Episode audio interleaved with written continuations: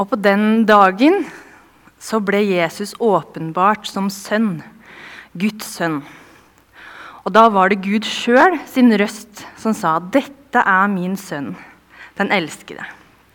I han har jeg min glede. Og I dag så er det Jesus sjøl som åpenbarer hvem han er. Men for kanskje en litt annen masse. Men før vi går inn i det, så vil jeg bare dra dere lite hakk fra dåpen og til at Jesus er Jerusalem. Og rådsherren Nikodemus, den folk kommer til å få, han som sitter i jødiske råd, som er fariseer, som er høyt på den religiøse jødiske rangstigen, han møter Jesus i nattens mørke. Og han tar Jesus imot på hans betingelser, på sett og vis, i og med at det, han tillater at han kommer til han og snakker til han og med han midt på natta. Og så er det til Nikodemus Jesus forteller den lille Bibel. Johannes 3, 16, som mange har hørt så mange ganger. For så høyt har Gud elsket verden, at han ga sin sønn, som Gud hadde åpenbart for litt siden, den enbårne, for at hver den som tror på ham, ikke skal gå fortapt, men ha evig liv. Det er bakteppet for at Jesus videre drar opp til Galilea og til dagens tekst. Eh, denne gangen så har den teksten her eh, om den samaritanske kvinnen møtt meg på en litt annen måte. Og Det tror jeg har å gjøre med verdensbildet i dag. Situasjonen i Midtøsten. Jeg vet ikke hvordan det er med dere, men noen ganger kan jeg bli litt sånn eh, overvelda av nyhetsbildet. For jeg tror det er en del av meg som har så, får et behov for å forstå et behov for å kategorisere. Eh, et behov for å skjønne meg på hva er sant, hvem skal jeg lytte til? Eh, og på et vis hvem skal jeg heie på? Og så kommer jeg til en erkjennelse av at dette tror jeg er veldig vanskelig for Ingvild Aamodt, vokst opp i fredelig Norge. Aldri har jeg kjent på å leve i fattigdom. Aldri har jeg kjent på å være på flukt. Aldri har jeg kjent på fiendskap med naboen min og bli hata for troa mi. Hvem er jeg til å forstå? Men så har det blitt stort for meg å tenke på Jesus sitt bakteppe. Hva var hans bakteppe i møte med en samaritaner, som vi skal høre etterpå? Jo, han var jøde, født under romersk okkupasjon. Han ble født i fattigdom, og fra han var ganske liten, måtte han og familien flykte til Egypt. Og De måtte være der, bo i et fremmed land over en tid. Fremmed kultur, annet språk, andre skikker. Før han kom hjem igjen. Og dit han kom tilbake, der var det fortsatt uroligheter. Stridigheter mellom naboene Stridigheter mellom religiøse grupper eller forståelser. Uvennskap. Midt i det her levde Jesus. Så på en måte så blir det, en sånn, blir det litt godt for meg i møte med teksten i dag å ta på meg Jesus sitt bakteppe og følge han inn i bibelteksten. Så vi skal lese fra Johannes 4, 4-26. Men det er litt lang tekst, så dere skal få lov til å sitte. Jeg leser i Jesu navn. Han måtte reise gjennom Samaria, og der kom han til en by som het Sykar, like ved det jordstykket Jakob ga sin sønn Josef. Der var Jakobskilden. Jesus var sliten etter vandringen, og han satte seg ned ved kilden. Det var omkring den sjette time. Da kom en samaritansk kvinne for å hente vann. Jesus sier til henne, 'La meg få drikke'. Disippelen hans var nå gått inn i byen for å kjøpe mat. Og hun sier, hvordan kan du som er jøde, be meg, en samaritansk kvinne, om å få drikke? For jødene omgås ikke samaritanerne. Jesus svarte, om du hadde kjent Guds gave og visst hvem det er som ber deg om å drikke, da hadde du bedt ham, og han hadde gitt deg levende vann. Herre, sa kvinnen, du har ikke noe å dra opp vann med, og brunnen er dyp. Hvor får du da det levende vannet fra? Du er vel ikke større enn vår stamfar Jakob? Han ga oss brønnen, og både han selv, sønnene hans og buskapen hans drakk av den. Jesus svarte, den som drikker av dette vannet, blir tørst igjen. Men den som drikker av det vannet jeg vil gi, skal aldri mer tørste. For det vannet jeg vil gi, blir i ham en kilde med vann som veller fram og gir evig liv. Kvinnen sier til ham, 'Herre, gi meg dette vannet, så jeg ikke blir tørst igjen og slipper å gå hit og hente opp vann.' Da sa Jesus til henne, 'Gå og hent mannen din og kom hit.' 'Jeg har ingen mann', svarte kvinnen. 'Du har rett når du sier du ikke har noen mann', sa Jesus. 'For du har hatt fem menn, og han du nå har, er ikke din mann.' 'Det du sier, er sant.' 'Herre, jeg ser at du er en profet', sa kvinnen. 'Våre fedre tilba Gud på dette fjellet, men dere sier at Jerusalem er stedet der en skal tilbe.' Jesus sier til henne, 'Tro meg, kvinne.' Den time kommer da det verken er på dette fjellet eller i Jerusalem dere skal tilbe Far. Dere tilber det dere ikke kjenner. Men vi tilber det vi kjenner. For frelsen kommer fra jødene. Men den time kommer, ja, den er nå, da de sanne tilbedere skal tilbe Far i ånd og sannhet. For slike tilbedere vil Far ha. Gud er ånd, og den som tilber ham, må tilbe i ånd og sannhet. Jeg vet at Messias kommer, sier kvinnen. Messias er det samme som Kristus. Og når han kommer, skal han fortelle oss alt.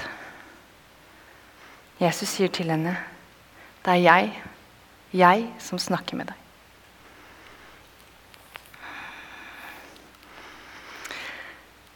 Før vi går videre til hvem som er samaritanerne, så må jeg bare ta en liten avstikker.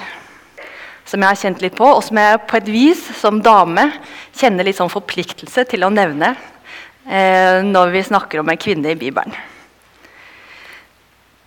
Fordi hvem er det Jesus åpenbarer seg for, og hvem er det han bruker her? Etter disiplene kommer tilbake når de har skaffa mat, så blir de overraska over at Jesus har snakka med ei dame. Og en ikke hvilken som helst dame. For den dama her hun kommer for å hente brønn, hente vann, mener jeg, i en brønn litt utafor byen. Et område der det egentlig er ganske mange kilder å velge mellom. Og ikke nok med at du går til et sted som egentlig er litt sånn utafor det naturlige stedet å hente vann, så går du der midt på dagen i tolvtida, i den verste solsteika, når de aller fleste egentlig tar seg en siesta eller roer ned arbeidet. Og så kommer det fram at hun er ikke akkurat en jomfru Maria. Og Det syns jeg er så fascinerende når vi ser på Bibelens damer. Hvordan Jesus på den ene sida bruker ei tenåringsjente som ikke har rukket å tulle til livet sitt ennå.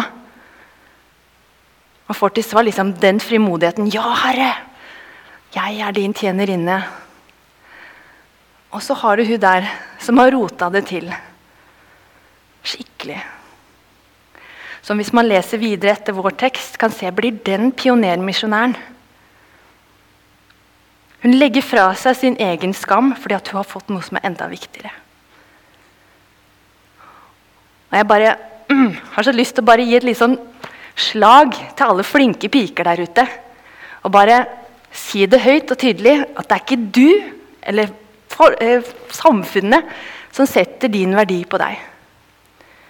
Jesus har satt sin verdi og gjort henne, denne kvinnen, verdig til å bære budskapet videre. Så det er bare sånn avstikker som jeg bare Preach it. Yeah. Så skal jeg gå videre. Tilbake. Fordi hvem er samaritanerne? I dag, så, hvis vi ser på kartet over Israel og Midtøsten-området, så eh, ligger Sykar i dag innafor dagens Vestbredden.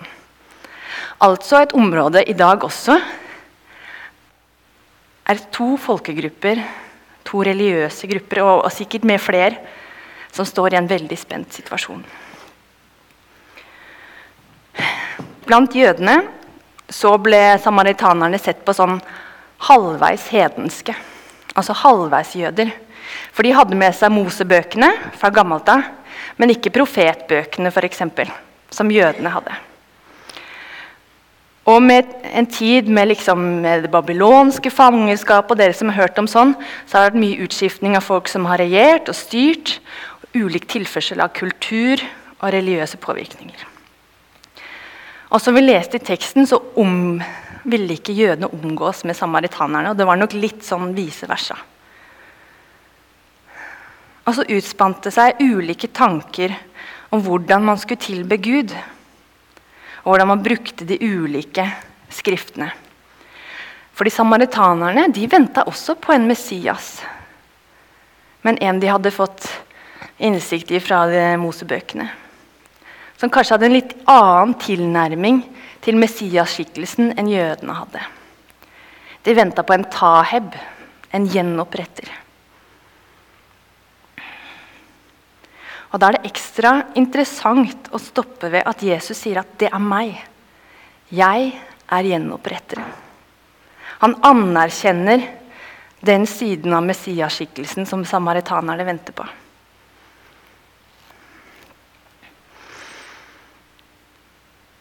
Og så kommer det noe som jeg bare syns er så meningsfullt med å få lov til å få et sånt taleroppdrag. For det tvinger meg til å sette meg ned med tekster og jobbe med dem og liksom komme virkelig til sånn bunnen av hva de står for, og hva de formidler.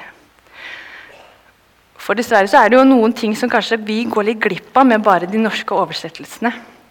Noen sånne språkfinesser som egentlig bare gir oss et sånn ekstra trykk til å forstå mer av hvem Gud er, og hvem Jesus er. For den siste setninga i teksten vi har, så svarer Jesus det er jeg, jeg som snakker med deg.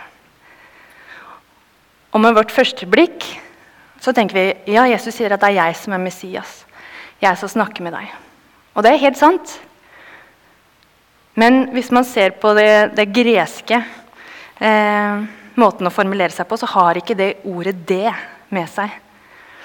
Så hvis man oversetter det helt direkte, så blir det ordparet 'jeg er' som snakker med deg. Og For noen av dere så kjenner dere det igjen fra f.eks. når Moses møter Gud i ørkenen, i den brennende busken. Og den busken sier, altså Guds røst, sier 'jeg er', når han forteller hvem det er. Og på den måten så åpenbarer ikke Jesus bare at han er Messias. Han åpenbarer på samme tid for den dama her at han er Gud. Han er gjenoppretteren. Han er Messias. Han er Gud.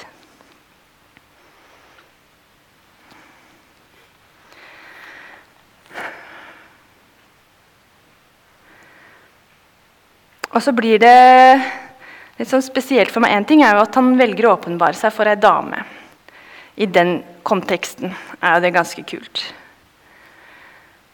Men når vi tar med oss bakteppet fra at han har åpenbart seg og sagt at han er Guds sønn for Nikodemus, den jødiske rådherren som på en måte har alt på stell, og så velger han å si rett ut 'Jeg er Gud, jeg er gjenoppretteren, jeg er Messias' til ei dame som egentlig ikke hører til det religiøse eh, gruppa som Jesus først og fremst er sendt til å forkynne for. Er ikke det ganske radikalt? Hva sier det om Jesus? Hva sier Det sier at, det sier at han er grensesprengende. da. Han sier at de barrierene som vi mennesker vi sliter som med Hvem hører vi til? Konflikter, folkegrupper, religiøse bakgrunner Jesus sprenger de grensene her.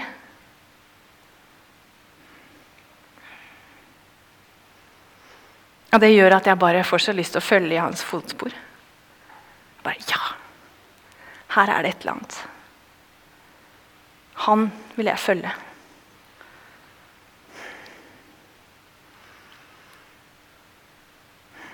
Og så videre. Så må vi også ta et steg inn i en ny epoke som Jesus åpenbarer i denne teksten her. Fordi Dama spør jo veldig om det her. Ja, men dere sier vi skal tilbe Jerusalem. Vi har lært at vi skal gjøre det på Garisimfjellet. Eh, hva er det riktige stedet å tilbe? Og ja, Guds nærvær var der spesielt i det aller helligste i tempelet. Men her åpner Jesus døra på glott og forteller om en ny epoke. Der bostedet ditt, der tempelet ditt, det er hvilken høyde du er på når du tilber, er, er ikke vesentlig lenger. For Jesus er grensesprengende. Han sprenger grensene for vår tilbedelse. Sprenger rammene. Han sier at tilbedelsen skal skje i ånd og sannhet. Og hva betyr det egentlig? Når vi skal tilbe Gud i ånd, så handler det om at vi skal tilbe ham med det er, som er lagt ned i oss av evner til å tilnærme oss Gud. Og vi har jo også mottatt Den hellige ånd, som hjelper oss. Som drar oss til Gud, kaller, kaller på oss. Men så skal det også skje i sannhet, og det handler om vår oppriktighet. Jesus kaller oss til å tilbe Han med oppriktige hjerter. Ikke fordi det er en religiøs ramme vi er vokst opp med. Ikke fordi at eh, Ja, ja, men vi må jo møte opp. Ikke fordi det er en sosial konstruksjon at vi går dit og dit. Han vil at vi skal være oppriktige i vår tilbedelse av Han.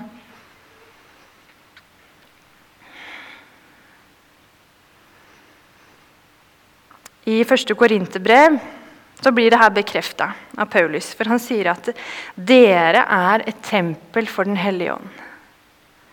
Det skjer et skifte fra at Guds nærvær, tilstedeværelse, først og fremst er knytta til tempelhelligdommen.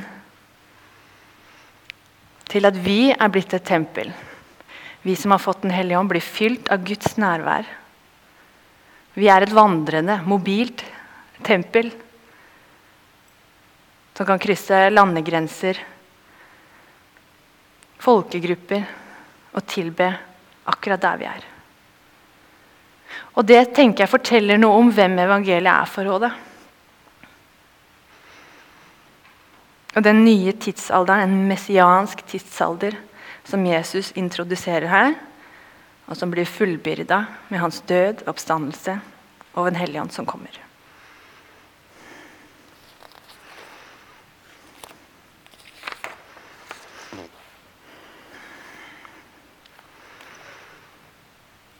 Nærmer jeg meg avslutning med de poengene mine.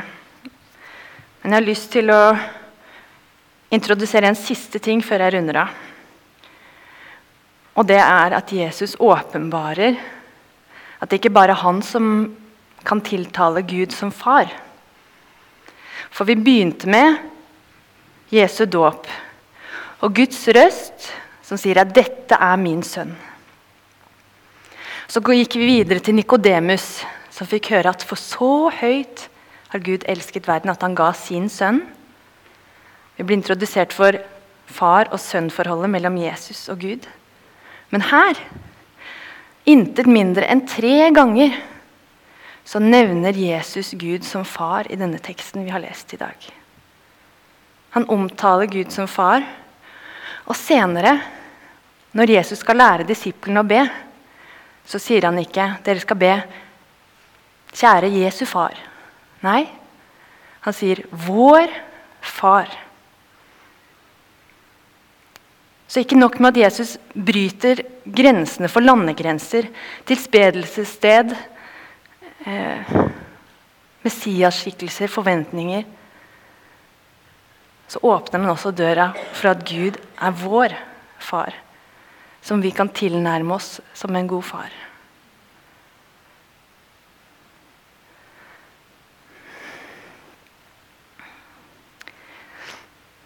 Vi har jo lest en tekst fra Johannes-evangeliet. Og Det er noen røde tråder gjennom den boka som går igjen. Og En av de er hvordan lyset brukes. Hele evangeliet starter med at det sanne lyset kom nå til verden.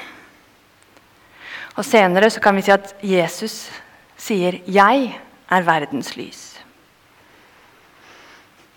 Og noen ganger når jeg forbereder meg til taler, så får jeg ofte liksom et sånn vers som bare blir sittende i fronten av panna mi, som bare går litt på repeat.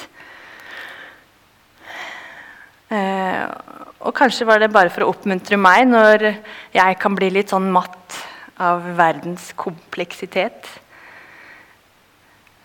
Men jeg tror kanskje det er med på å underbygge det vi har lest om i dag. For det står også i Johannes evangeliet om at eh, Nå mista jeg det arket, men kanskje jeg kan det utenat. Eh, det sanne lys eh, Å, så irriterende. Men innholdet er i hvert fall at lyset kom til verden, og mørket har ikke overvunnet det. Fritt oversatt av Ingvild Aamodt. Det står i hvert fall i første kapittel i Johannes brev. I Johannes evangeliet. Jeg håper vi kan ta med oss det i dag. Om du er liksom eh, der at du kan bli litt sånn motløs av uh, nyhetene. At du må holde fast på det at uh, Jesus, han er lyset. Og mørket, alt verdens mørke, overvinner ikke Jesus. Han som er Messias.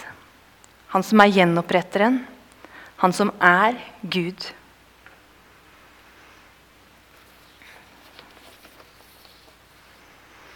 Han er grensesprengende da som nå. Og Jesus er prøvd i alt. Er det en som har et bakteppe for å forstå, og som møter verdens kompleksitet, så er det han.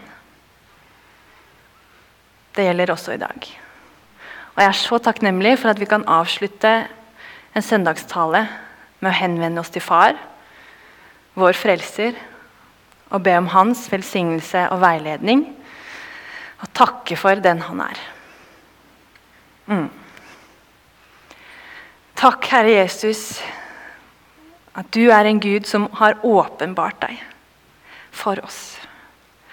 Takk at vi ikke står tomhendte og skal liksom føle oss fram til hvem du er, men at vi har fått Bibelen. Og kan bli oppmuntra og oppbygget og trygge i troa vår ved å fylle oss med ditt ord. Og så ser du alt som rører seg av uroligheter i verden.